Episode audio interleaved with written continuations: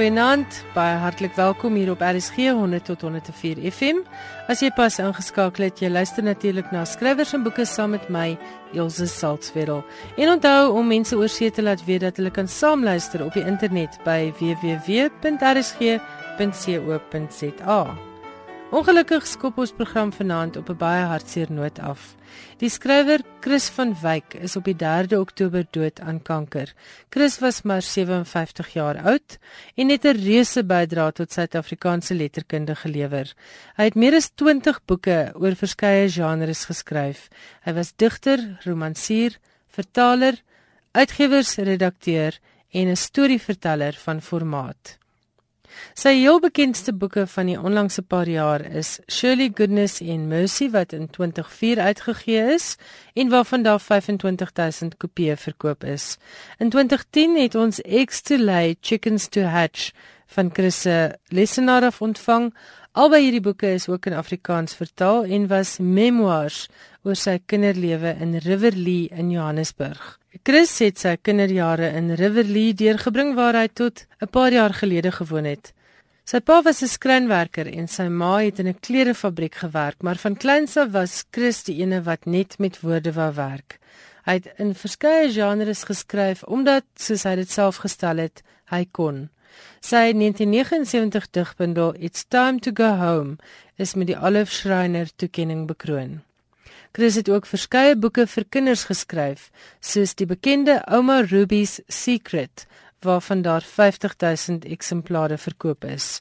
Hy was ook die skrywer van die kinderweergawe van Nelson Mandela se Long Walk to Freedom, waarvan daar 55000 eksemplare verkoop is.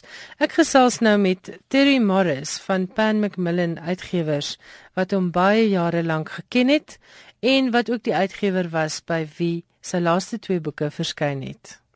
At Pan Macmillan, we, we started publishing Chris's books from 2004.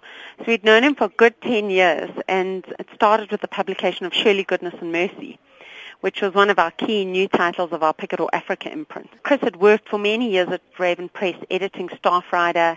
Um, he had brought a lot of authors to the press. He had actually worked with Ivan Vladislavich at the press. So he had a long relationship with Ravan Press he had published his first novel, The Year of the Tapeworm, with Ravan Press. And so when we were looking to start up Picador Africa and revive some of the Ravan classics, Chris was the obvious person to go to for advice, and it so happened that he had this memoir sort of languishing in a drawer somewhere. Ek wou by haar weet of Chris so 'n warm mens was, soos wat 'n mens die indruk gekry het uit sy memoirs. He really was. He was larger than life in terms of he always had a story to tell. So it wasn't only when he was on the stage or in front of an audience. I used to spend endless hours meeting with him. He had very bad eyesight. So if you wanted to meet with Chris, you had to go to his home, uh, either in Riverlea or later they moved to Northcliffe. And so you'd spend hours having tea and, and biscuits and talking. And, you know, by the time I left, we'd forgotten about anything to do with work or books. We were having political discussions, talking about books. He really was um, an amazing man in terms of his wealth of knowledge and, and how widely he read, but also just um, very politically minded and, and, and very warm with his storytelling and, and interacting. So so we we we formed a close relationship. Ek wou by Morris weet wat sy as van Wyk se letterkundige nalatenskap sou beskou. Oh, so many things. I mean, on one level, it's the it's the depth of his work, from his poetry, his short stories, which were award-winning, are used in, in set works, to his wonderful memoirs, which brought the ordinary lives of people living in Riverlea to um, different audiences across the country. So, from that perspective, it was about those ordinary people and lives, um, and, and, and the depth of his work. On the other hand, it was his amazing um, interest in building a love of books amongst children. He would go from school to school to school, talking and engaging and reading his books, and he loved that the most. So he was always trying to instill a love of books and language in children, uh, because he himself, at the age, at a very young age, decided he was going to be a writer. He loved books, and while um, his friends were scurrying about the rubbish dumps looking for bits and pieces, they knew that if they found any books or magazines or comics Chris was the person to give them to.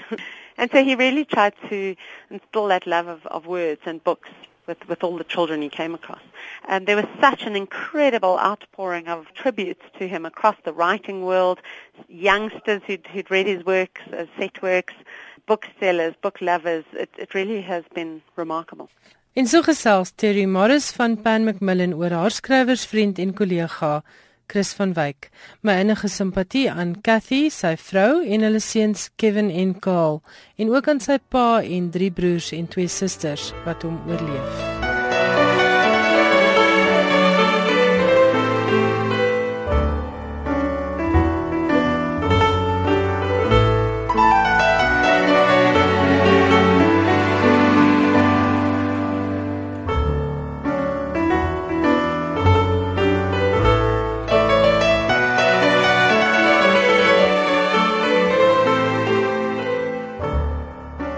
Vanaand kuier Marguerite Paulind by my in die ateljee. Hierdie Durbanse skrywer het pas twee boeke gelyk uitgegee.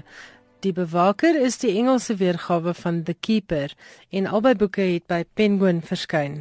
Die Bewaker is in Afrikaans vertaal deur die bekroonde vertaler Daniel Hugo. Sy is verheug oor die Afrikaanse vertaling. I have to tell you that I think it's better in Afrikaans than it is in English. and the reason I say that is that there are certain characters in the book who are obviously Afrikaans speaking. Um, in the English version, I had to do small translations myself just to give the give the feeling of what was said in Afrikaans because of non-Afrikaans speaking readers. But in the Afrikaans version, that doesn't have to happen. So it flows yeah. um, very much more. It flows better, in fact, those particular passages, because you know it's not. There's no sense of translation there. It is because the people should have been speaking Afrikaans to start with. Pauline het groot geword in die Oos-Kaap, maar woon deesdae in Durban. En hoewel sy Engels sprekend is, is daar dikwels Afrikaans sprekendes in haar verhale. Durban is very English speaking and but Port Elizabeth you know is, is a is a mixture of of everybody. And I was brought up outside Port Elizabeth on a small holding and as a very small girl, I was so completely involved with the bush, the birds, the animals, and the, that sort of thing, and the people that lived in that small community. And that was black people and white people as well. So that's where my writing started. I wrote my first book when I was nine. The germs of all the books that I write are actually somehow in that first love story that I wrote when I was a small girl. Did you have a prince and everything? Oh, a very tall, dark, handsome man that took her away on a white horse. Haar liefde vir stories het sy by haar ouma gekry. My grandmother lived with us. She read to us all the time. She only read what she felt she would like to listen to herself. So, although we sometimes chose books, she chose them and she chose them with great insight and taste. She chose really quite difficult books, but you know, it give, gave us the facility of language. And then because of this experience of being in, in, in the bush, I suddenly went to live in Durban when I got married. And I had this huge sort of nostalgia and homesickness. And because I just had a child, I decided to write a, book for her. So my first um, books, I've written 11 children's books. And, you know, that was sort of how I got established as a writer. Twee van Pauline se 11 kinderboeke is bekroon met die Percy Fitzpatrick Prys vir kinderlektuur, maar sy was lus vir 'n nuwe uitdaging. And then I thought, no, I need to see if I can do something different. And so I wrote my first novel. But African languages are my subject. Um, I did Xhosa at university and then I did my PhD in Zulu when I was in KwaZulu-Natal. So that all the research that I did there, it was always to do with the natural world, with idioms, with, with proverbs, with, you know, the way of seeing. Um, that very much informs everything that I write. Yeah, so in a way you were involved there as well with storytelling. Yes, it, oh, very much so. I mean, I did my thesis on color patterns of Nguni cattle. Um, and, and that became a novel that became a novel, but it also became a big coffee table book, yes, um, yeah. which is called The Abundant Herds. But I wrote a novel as well because in exploring those wonderful images of cattle and the mythology of the birds and animals that, you know, surrounded them, I wanted to write, I had to write the academic thing, which, as you know, is a very specific way yes. of writing. But my professor kept saying to me, you can't you, you, you're going, you're a novelist, you're going to Flights of Fancy here now. Come on, you've got to stick to the line.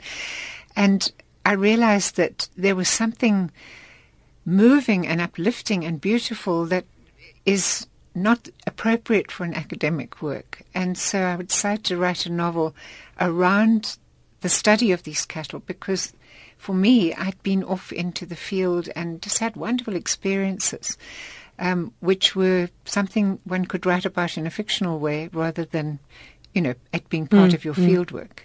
The coffee table book is called Abandoned Herds and the yes. novel Recessional for Grace. Die bewaker speel af op 'n onherbergsame eiland iewers aan die Suid-Afrikaanse kus en een van die hoofkarakters is 'n vuurtoringwagter. Ek wil by Poland weet hoe sy dit reg gekry om dinge so akkuraat te beskryf. It was really difficult because I applied to go and stay there.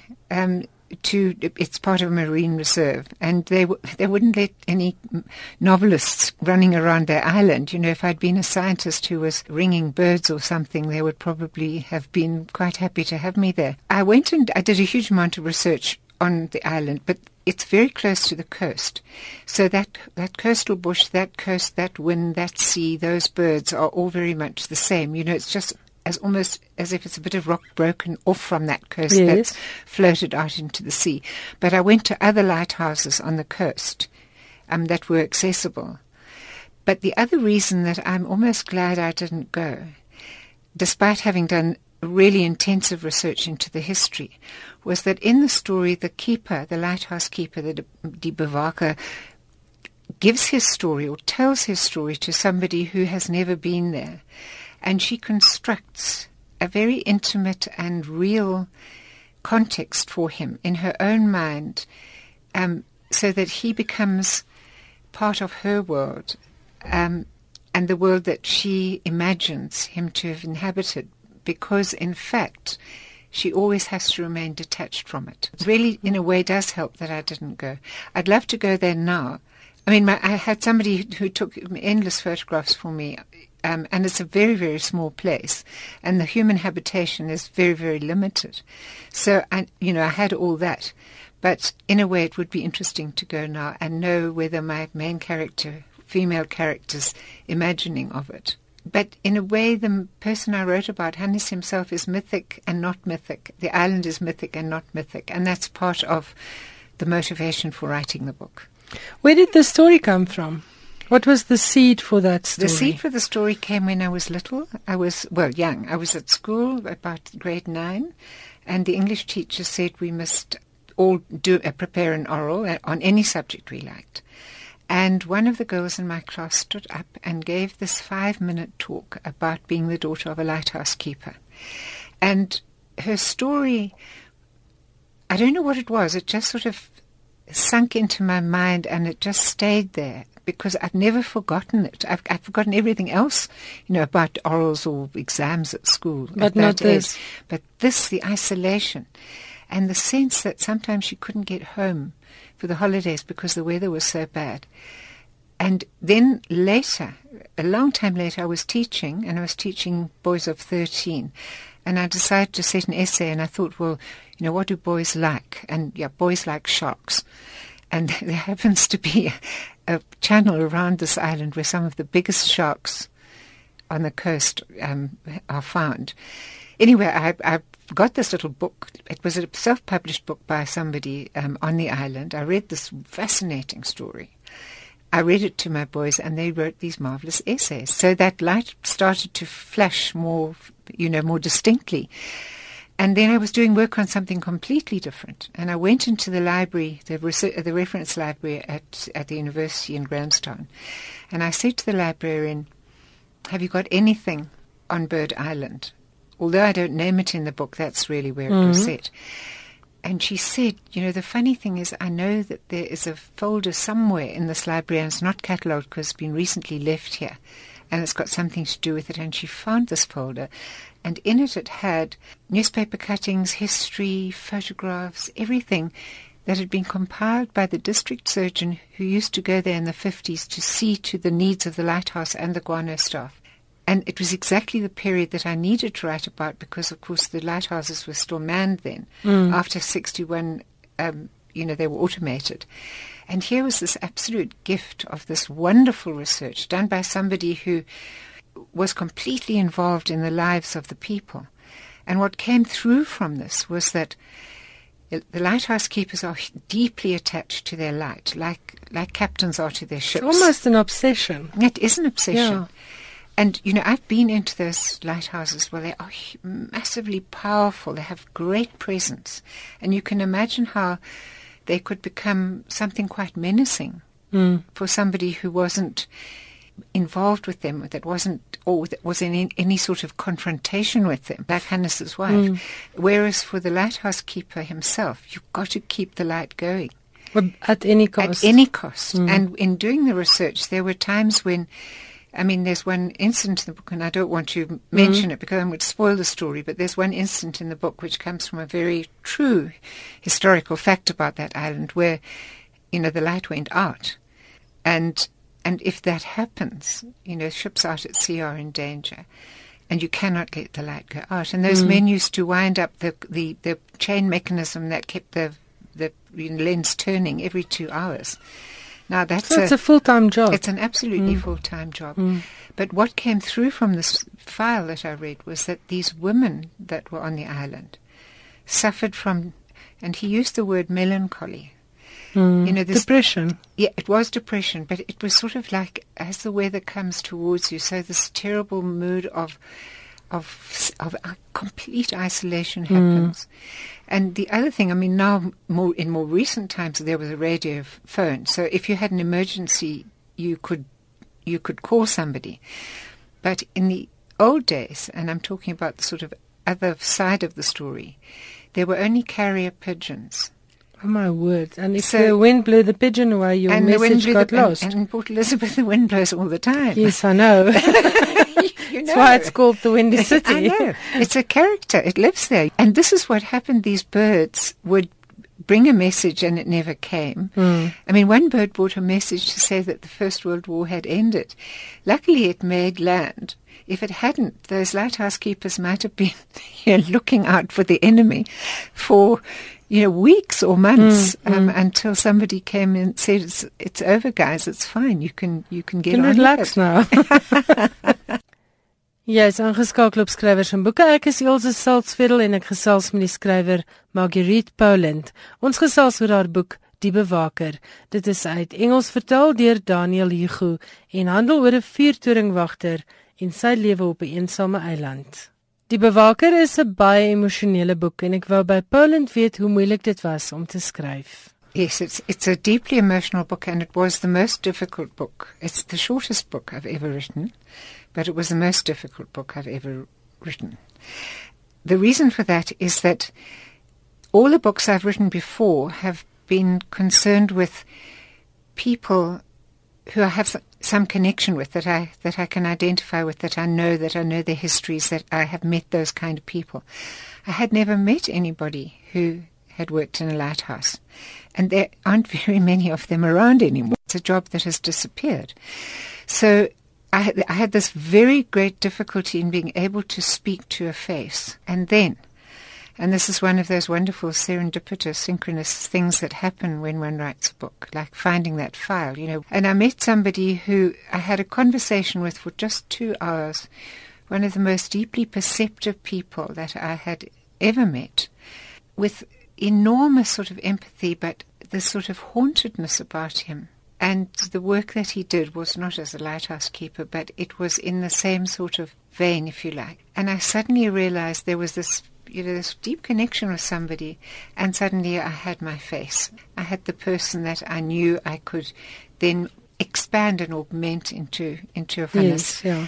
You know, the other ca- characters are come come from a life I, I know, but it was just him particularly mm. that I had to find, because what would make somebody wish to live in that isolation? And of course, you know, doing the research, it came through that lighthouse keepers are usually the sons of lighthouse keepers are the sons of lighthouse keepers. And one saw this thread going through sort of three or four generations.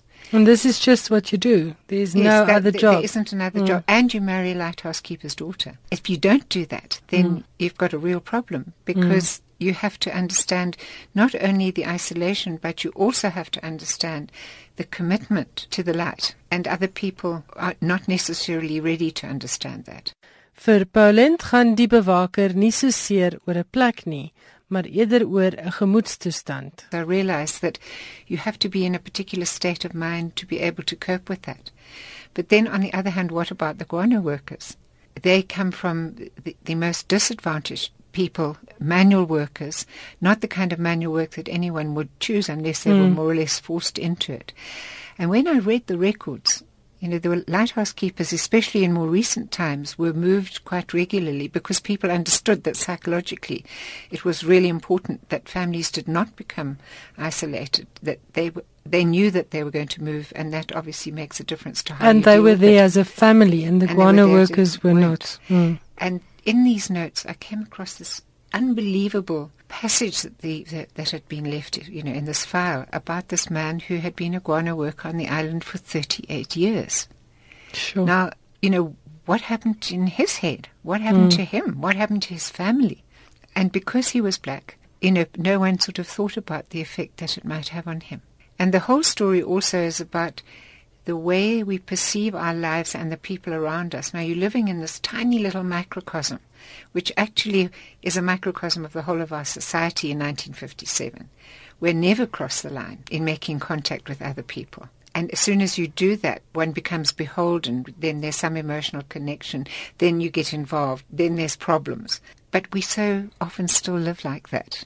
And that's why it was really important to look at this, this very small community and what happens when something goes wrong.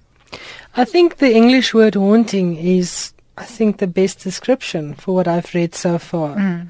It doesn't leave you. Do you find that, that your characters stay with you a long time after you've written the book? They do, and I mourn them, and I'm sure you've heard this from other writers. Yes, I have, and I always have great difficulty in believing that somebody just sort of presents himself to you one morning and there's your character yeah, and no. he speaks to you, but I do understand. well, that, that did happen, and but it happened after a very long struggle of, yeah. of writing this character, writing his past, writing his his mother, you know, which had nothing to do with the man I spoke to. The person I spoke to simply had the qualities. It wasn't him. Yeah, the yeah. qualities that that I was looking for, and the face as well was was was something that I could address. No, because you need to put a face. No, you have to, to a fictional a character.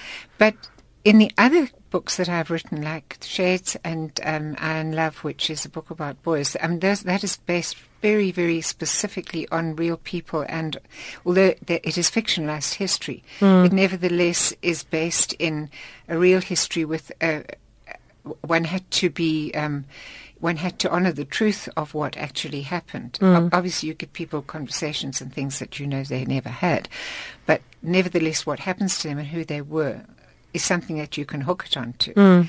Um, and because in two of those books there happened to be relations, or I, I wrote it was part of family history, um, and then I had to do a great deal of research into it. It augmented my understanding of my own family history, mm. and you know some of the characteristics of those people are kind of you know they're in in, in my family still, or they look like them, or there's some anecdote. So one does miss them, but they become they become sort of part of um, they become part of your world. Mm. I mean, I don't go around talking to them. Yes, um, okay, good. I'm like glad that. to hear that. I'm incredibly practical. I don't. I mean, so that, that it's, you know, I've, I've got too busy a life anyway as um, in in teaching and having a family and looking after grandchildren, mm, mm. as well as being a professional writer. But the, the other funny thing is that things come back again and again. For example, a book that I wrote, Iron Love, I have now gone back often to that school to teach a new generation of boys about various aspects of the history of the mm-hmm. Eastern Cape and of the school. And that came from having written the book, and it came from the one specific character that was the spark that started all off. Mm. Um, and so, in a sense, he remains because so, so much has been generated from me first looking at a photograph of him. Yes, yeah, and that's where it all started. And that's where it started. Mm. Skrywers oor moeilike emosionele onderwerpe sal vir jou vertel dat dit noodsaaklik is om afstand te skep tussen jou en jou werk. Ek wou by Poland weet of dit in haar geval ook so is. Yes, I've been writing for a very long time. I mean, I started in my 20s with my first book, which was a children's book. Mm. So, you know, there's been a long, a long, long progression um, of writing. And yes, when I finish a book, I usually know that I'm about to start that book, and that theme is waiting for me. Mm. This book, The Bewaker, The Keeper, is the first really, really fictional book that I've written. So it will be interesting to see what its afterlife is in terms of m- me. Yes, yeah. You know, the other ones have had, because of their historical base, I keep going back to the mission, for example, where mm. I wrote Shades, because I'm involved with projects that are happening mm. there. Or I keep going back to the school where I wrote Iron Love because I'm involved with teaching. Mm. So, so that sort of remains. But this book is um, something completely different, and it is a work of the imagination, and it was a difficult book because I wasn't hooking it on, on events. Mm. I actually had to go right inside to say, what does it feel like? Who are these people? And what effect is it going to have on them? Dit was die stem van Marguerite Poland. Ons het gesels oor die bewaker wat ook in Engels beskikbaar is as The Keeper. Beide boeke word deur Penguin uitgegee en die bewaker kos R235. Nou eers 'n bietjie boeke nuus. Die finaliste vir die Kyknet rapport boekpryse is verlede week aangekondig. Hierdie pryse het ten doel om leeslus aan te wakker deur groter erkenning en blootstelling te gee aan interessante en innoverende fiksie en feite in Afrikaans. In die eerste bestaanjaar van die prys is 54 inskrywings ontvang. Die keurders was verras deur romans wat die verbeelding aanvuur wat in tema die nuwe ander en in taalgebruik die rykwyte van Afrikaans vergroot. Ook die verdieping en verbreding van ons begrip van die wêreld by die nuwe fiksie inskrywings het groot waardering ontlok. Die wenners van die eerste kyknet rapport boekpryse vir fiksie en nuwe fiksie ontvang elk R200 000 en die wenner van die filmprys R100 000. Die kortlys van finaliste vir 2014 lyk soos volg.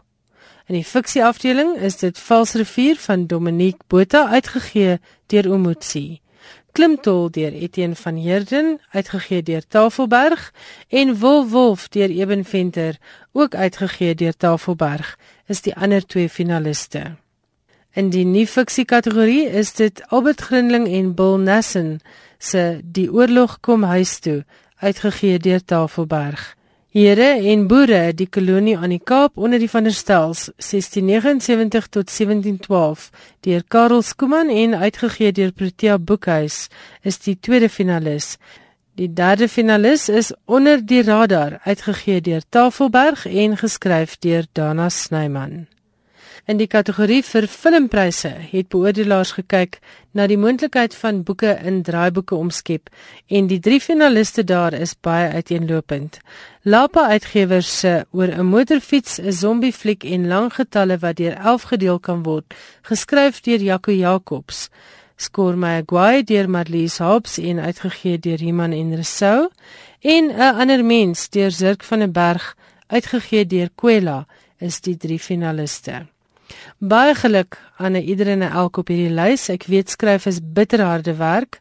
Dis wonderlik as uitgewers en ander instansies 'n mens beloon vir jou werk en mag die beste boek wen. Pryse word op Vrydagmiddag 21 November in Kaapstad oorhandig. Nou is dit eers tyd vir Johan Meiburg. Hy gesels weer oor die internasionale letterkunde, dinge wat in die boekewêreld aangaan en vanaand gesels hy soos te verwagte oor die wenner van die Nobelprys wat verlede week aangekondig is. Sy het met haar blog nie die Nobelprys vir letterkunde gekry nie, maar wel die Nobelprys vir vrede. En daarmee ook die jongste ontvanger van die prys nog geword. Malala Yousafzai Die 17-jarige Pakistaanse skoolmeisie wat 2 jaar gelede deur Taliban-vegters op pad na die skool in die kop geskiet is en dit oorleef het, en die Indiese kinderregte aktivis Kalyash Satyarthi deel van jaar die prys. Yusuf sê die prys gekry vir haar heroïese stryd as 'n leidende woordvoerder vir meisies se reg tot onderrig. In 2009, toe militantes skole opgeblaas het en onderwysers geïntimideer het, het Yousafzai anoniem 'n blog vir die BBC begin waarin sy lewe onder die Taliban bewind in die noordweste van Pakistan beskryf. Sy het onder meer te velde getrek teen die wat dink Islam hou in dat vroue tuis moet sit met burkas aan terwyl mans 'n heilige oorlog veg. Een van haar bekendste aanhalinge en een wat Amnesty Internasionaal intussen ook gebruik is, ekstremiste het gewys wat hulle die benoudste maak. 'n Meisie met 'n boek. En dan oor die Nobelprys vir letterkunde. Toe Patrick Modiano verlede week aangewys is as die wenner van vanjaar se Nobelprys vir letterkunde, was hy buite die Franssprekende wêreld bra onbekend. Het jy voor die aankondiging om gegoogel, het jy afgekom op enkele fotos van hom en skrap se inligting op iets soos Wikipedia.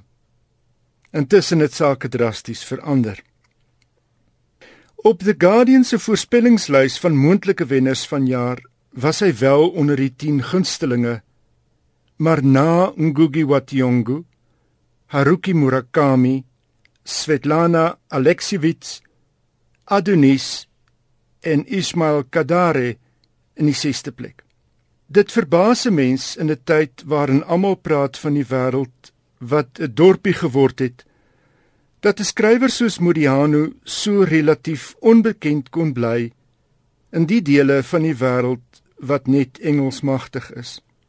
Sy skryfwerk van die afgelope 45 jaar, dis 29 boeke teen 'n tempo van 1 elke 18 maande, is vertaal in meer as 30 tale.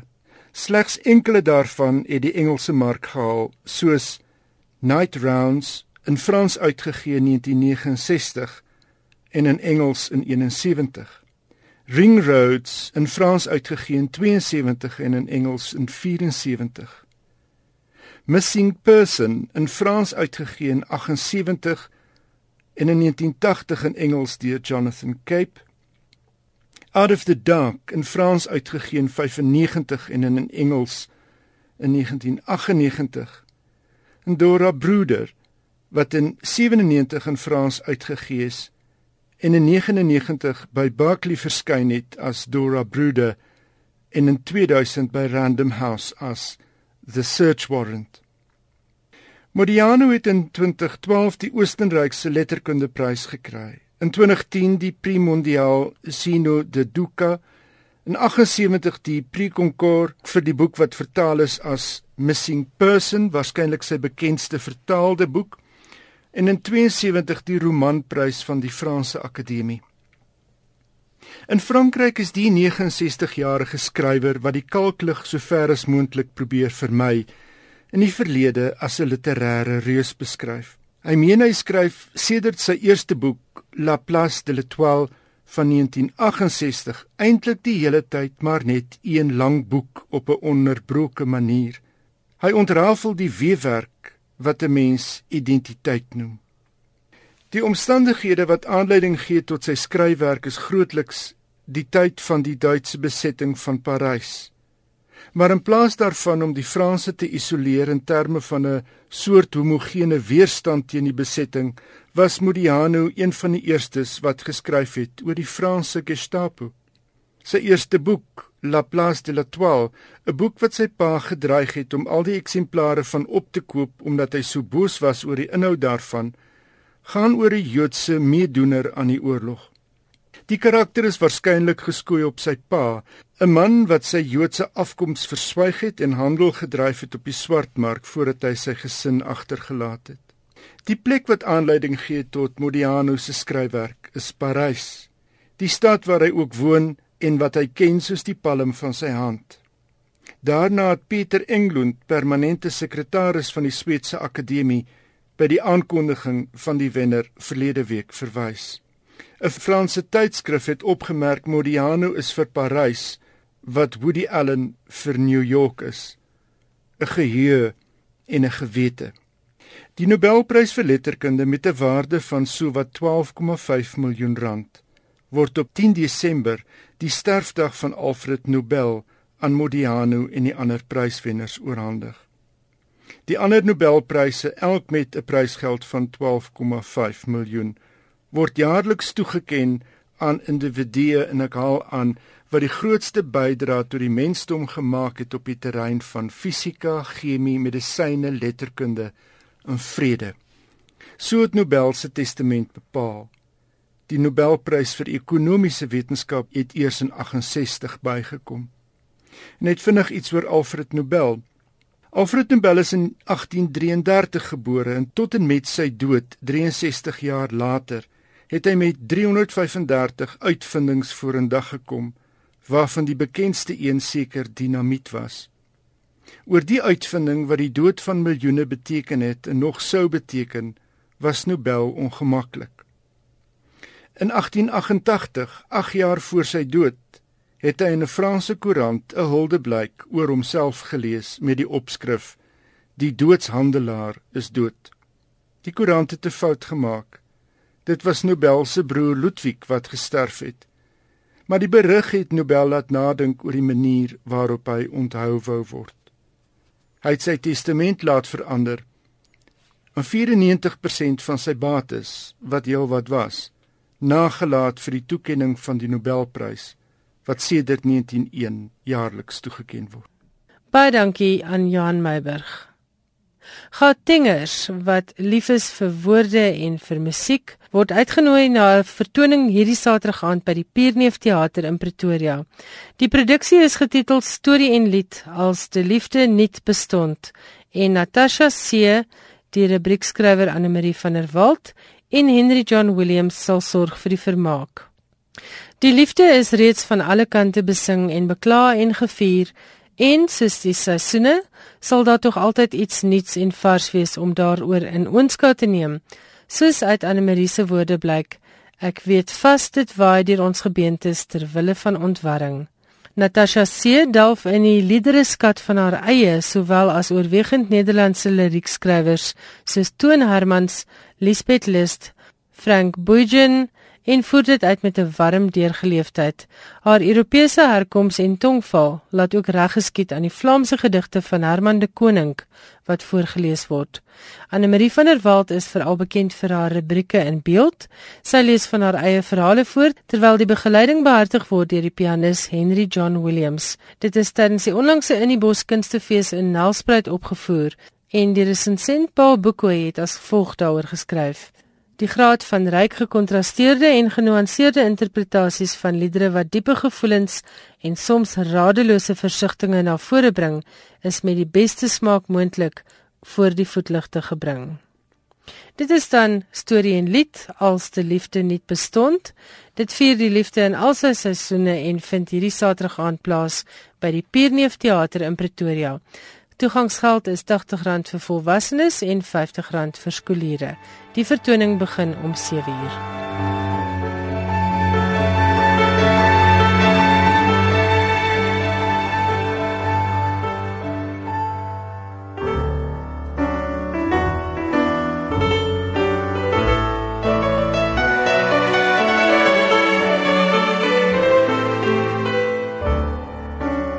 Dit is ongelukkig alwaar vir ons vanaand tyd het in skrywers en boeke. Ek hoop jy die program geniet en ek hoop jy skakel volgende Woensdag aand weer in. Dan gesels ek onder meer met Gert Sarisam. Ons e-posadres is skrywersenboeke@rsg.co.za. As jy 'n SMS wil stuur, stuur dit na 3343, maar onthou dat elke SMS R1.50 kos. As jy 'n deel van die program weer wil luister of dalk wil gebruik vir 'n leeskring, onthou dit is beskikbaar by Potgoe. Gaan eenvoudig na ons webwerf by rsg.co.za, gaan na Potgoe en dan tik jy die sleutelwoord skrywers en boeke in. Alles is daar gelys met 'n beskrywing vir elke program. Nou ja, dis al van my Elsje Salzwetel tot volgende Woensdag aand, dieselfde tyd, dieselfde plek, net hier op RSG 100 tot 104 FM. Ek hoop jy het 'n wonderlike week.